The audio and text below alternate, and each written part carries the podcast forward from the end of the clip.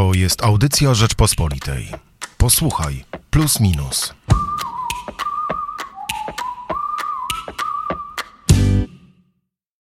W tym tygodniu w magazynie Plus Minus postanowiliśmy przyjrzeć się temu, co piszczy w sporcie. No ale nie dywagujemy, kto wygra piłkarskie euro, ani czy Igrzyska Olimpijskie w Tokio się odbędą. Raczej przyglądamy się temu, jakie mm, społeczne znaczenie ma sport i jak na ten sport i nasze traktowanie go wpływają zmiany cywilizacyjne, tudzież technologiczne.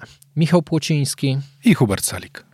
Kamil Kołsut właśnie skupia się na tych zmianach, e, jaka będzie rola sportu e, w przyszłości. E, mi ten tekst bardzo się podoba, bo on chyba rzeczywiście trafia w clue problemu, że sport e, przestaje być, znaczy pewnie nigdy nie był tak naprawdę e, o, o, osobnym elementem naszego życia e, społecznego, ale że konkuruje z innymi jego fragmentami, na przykład z innymi częściami rozrywki, że teraz to nie, nie wiem, Liga Angielska konkuruje z Bundesligą, tylko tak naprawdę mecze Ligi Angielskiej konkurują z grą Fortnite albo z Netflixem, prawda, że trzeba walczyć o naszą uwagę uwagę sport, który zresztą, jak mówi Dominik Antonowicz, socjolog w wywiadzie udzielonym mi do najbliższego e, plusa minusa, pojawił się w momencie, kiedy pojawiła się ta e, luka czasu wolnego, kiedy przemiany technologiczne spowodowały, że masy ludzi, robotnicy w miastach mieli wreszcie wolny czas, mogli go jakoś spożytkować, prawda?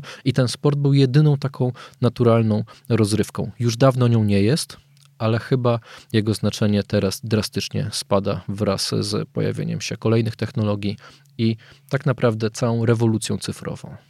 Po prostu coraz więcej różnego typu rozrywek rywalizuje o nas czas, nasz czas, a on jest dosyć ograniczony. E, I nawet pandemia, kiedy siedzieliśmy w domach i możliwe, że pomiędzy czynnościami zawodowymi moglibyśmy się poświęcać e, różnego typu rozrywkom, od gier komputerowych przez oglądanie meczów, to niekoniecznie, mm, niekoniecznie tak się działo, a oferta jest naprawdę szeroka i z tych danych, które powoli napływają z tego ostatniego roku wynika, że oglądalność e, niektórych imprez sportowych, niektórych lig piłkarskich przede wszystkim spada, za to Netflixa rośnie. Myślę, że dla mnie, e, czy dla ciebie i dla ludzi, dla ludzi nam podobnych, w podobnym wieku do nas, e, no to sport nigdy nie przestanie być super ważnym, dlatego że po prostu jesteśmy absolutnie przyzwyczajeni, wręcz uzależnieni od tych emocji związanych z nieprzewidywalnością sportu na żywo, z tą e, konkurencją, która dzieje się na naszych oczach. Jesteśmy też coraz bardziej przywiązani do wspólnego przeżywania emocji sportowych, ale jak ktoś tego nie zaznał za młodu i e, dorasta w świecie, gdzie ma zupełnie inne możliwości, e, to myślę, że po prostu może nie popaść w to uzależnienie. Może to i dobrze. Wiesz co, chyba to też jest kwestia wieku. Myślę, że w tych młodszych rocznikach zawsze wśród młodzieży i nastolatków było większe zainteresowanie sportem, też w związku z tym, że to był jakiś sposób spędzania wolnego czasu, a aktywność fizyczna przekładała się też na kipicowanie tym dyscyplinom, e, które e, uprawiałeś zwykle, czy uprawialiśmy zwykle amatorsko. To niepokojące jest to, i to widać też e, w tekście Kamila Kołsuta, który powołuje się na dane, że ta tendencja się odwraca i w tych grupach właśnie najmłodszych, czyli no, dosyć szerokiej grupie, prawie do 40 roku życia, e, udział ludzi, którzy oglądają sport spada, a rośnie tych starszych. Na te dane powoływał się też Florentino Perez podczas sławetnej konferencji, na której powoływał albo przedstawiał pomysł Superligi. On też mówił, że młodzież nie jest w stanie wytrzymać e, po prostu skoncentrowana przez 90 minut przed telewizorem. To już jest zupełnie inny świat, e, że dzisiaj potrzebujemy zupełnie innych bodźców. E, ci władcy europejskiej piłki nożnej zdecydowanie widzą, że czasy, które nas czekają, no będą dla nich niekorzystne. A w piłce nożnej, jak wiemy, nic nie liczy się tak bardzo jak pieniądze. Tych pieniędzy może być więc coraz mniej. Wiesz co, ja nie wiem, czy te czasy będą niekorzystne. Jest taki pewien konstrukt psychologiczny ludzki, który polega na tym, że ciągle chcemy więcej. Mm, no, z tego wynika chociażby dosyć niebezpieczna, moim zdaniem, ekonomiczna tendencja do tego, że firmy muszą ciągle wykazywać większy zysk, żeby na przykład zadowolić akcjonariuszy, bo są na giełdach. I to ta, ta, ten, ta, ten psychologiczny mechanizm działa też w sporcie. Myślę, że sport zawsze będzie miał e, masę kibiców i Real Madryt, Barcelona, czy kluby Ligi Angielskiej, no można tu wymieniać, pewnie dojdziemy spokojnie do dwudziestki, zawsze będą miały dużo kibiców, ale możliwe, że mniej niż teraz, co powoduje, że w pewien stopniu e, mogą być e, włodarze tych klubów rozczarowani, ale wieczny wzrost nie jest możliwy.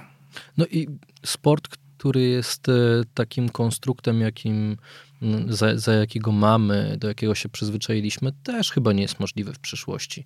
Sport zawsze się zmieniał. O tym mówi właśnie Dominik Antonowicz. E, on, e, jako socjolog, który bada zachowania e, kibiców, widzi, że no rzeczywiście nostalgia jest takim typowym elementem kibicowania i że, że zawsze było tak, że tęsknimy za czasami, które wydawały nam się lepsze, bo byliśmy młodzi, bo to był ten sport, do którego się przyzwyczailiśmy, ale ani sport nie jest taki, jak był e, na początku, ani piłka nożna nie jest taka, jak nawet była 20 lat temu.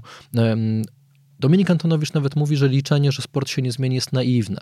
No bo dlaczego on miałby się nie zmienić? Jeżeli on odpowiada za realizowanie pewnych naszych naturalnych potrzeb społecznych, to jeżeli te potrzeby się zmieniają, jeżeli świat się zmienia, jeżeli ludzie się zmieniają, to naturalnie ten sport będzie się musiał do nas dostosowywać i zawsze tak było i zawsze tak będzie, więc możliwe, że będziemy mieli zupełnie inną piłkę nożną, która po prostu będzie emocjonująca dla innych ludzi, dla tych ludzi, którzy dzisiaj mają 10-15 lat, którzy są przyzwyczajeni bardziej do świata gier wideo niż do świata telewizji już nawet.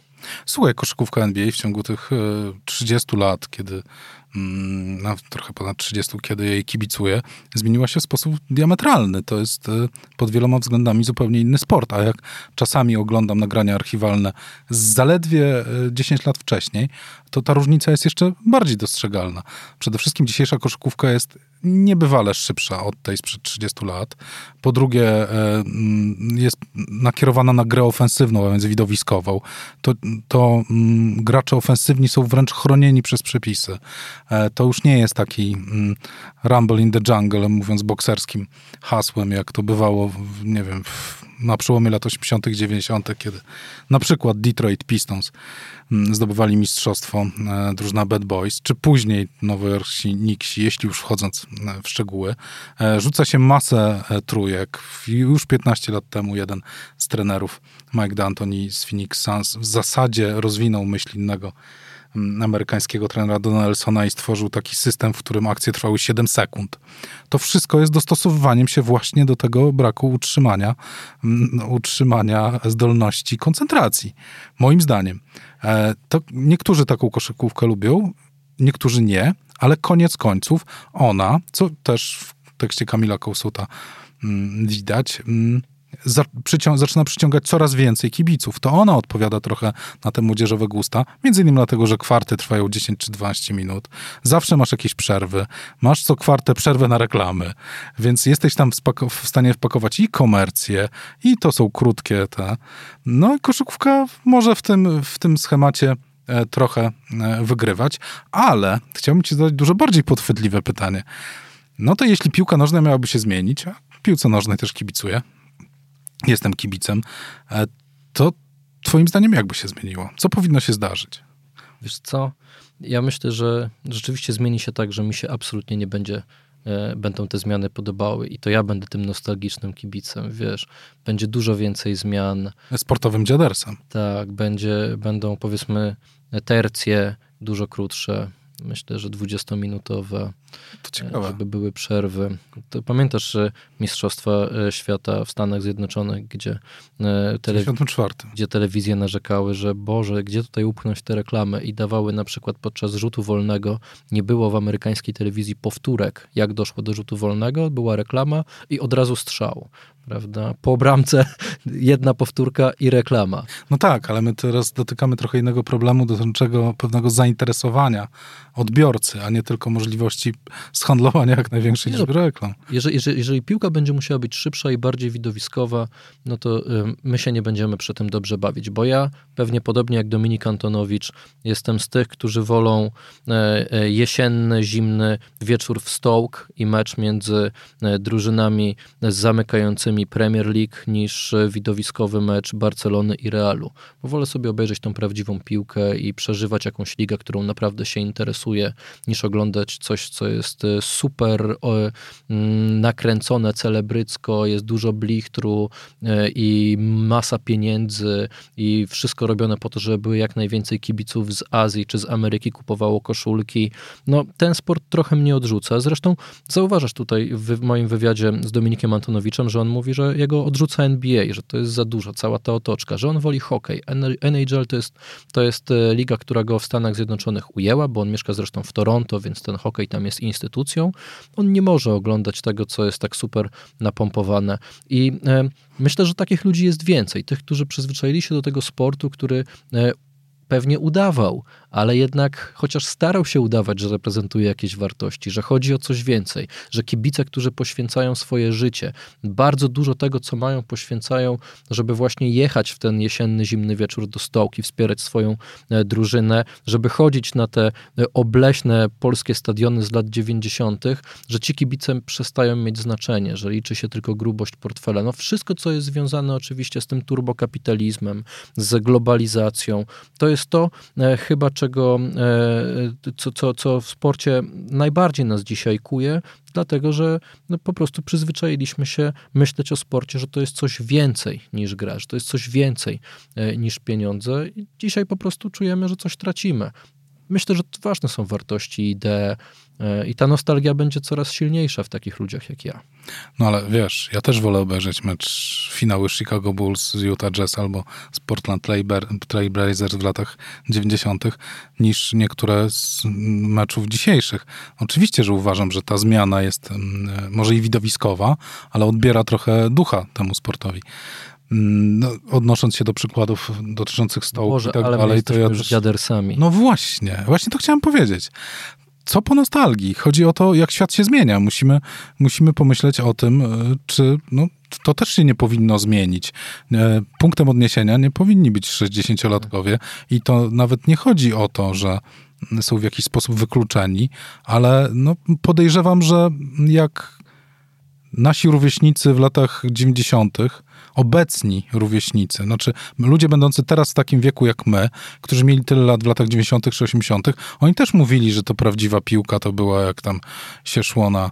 Że teraz to zbyt profesjonalne, tak, tak, teraz to tylko pieniądze, a te transfery, a to prawo Bosmana, jak to psuje piłkę. A Luis Figo to tam zdradza Barcelonę czy Real i, i co to ma za znaczenie. Tak, tylko widowiskowość, a bramka już nawet piłki nie może złapać od własnego obrońcy. No dobrze.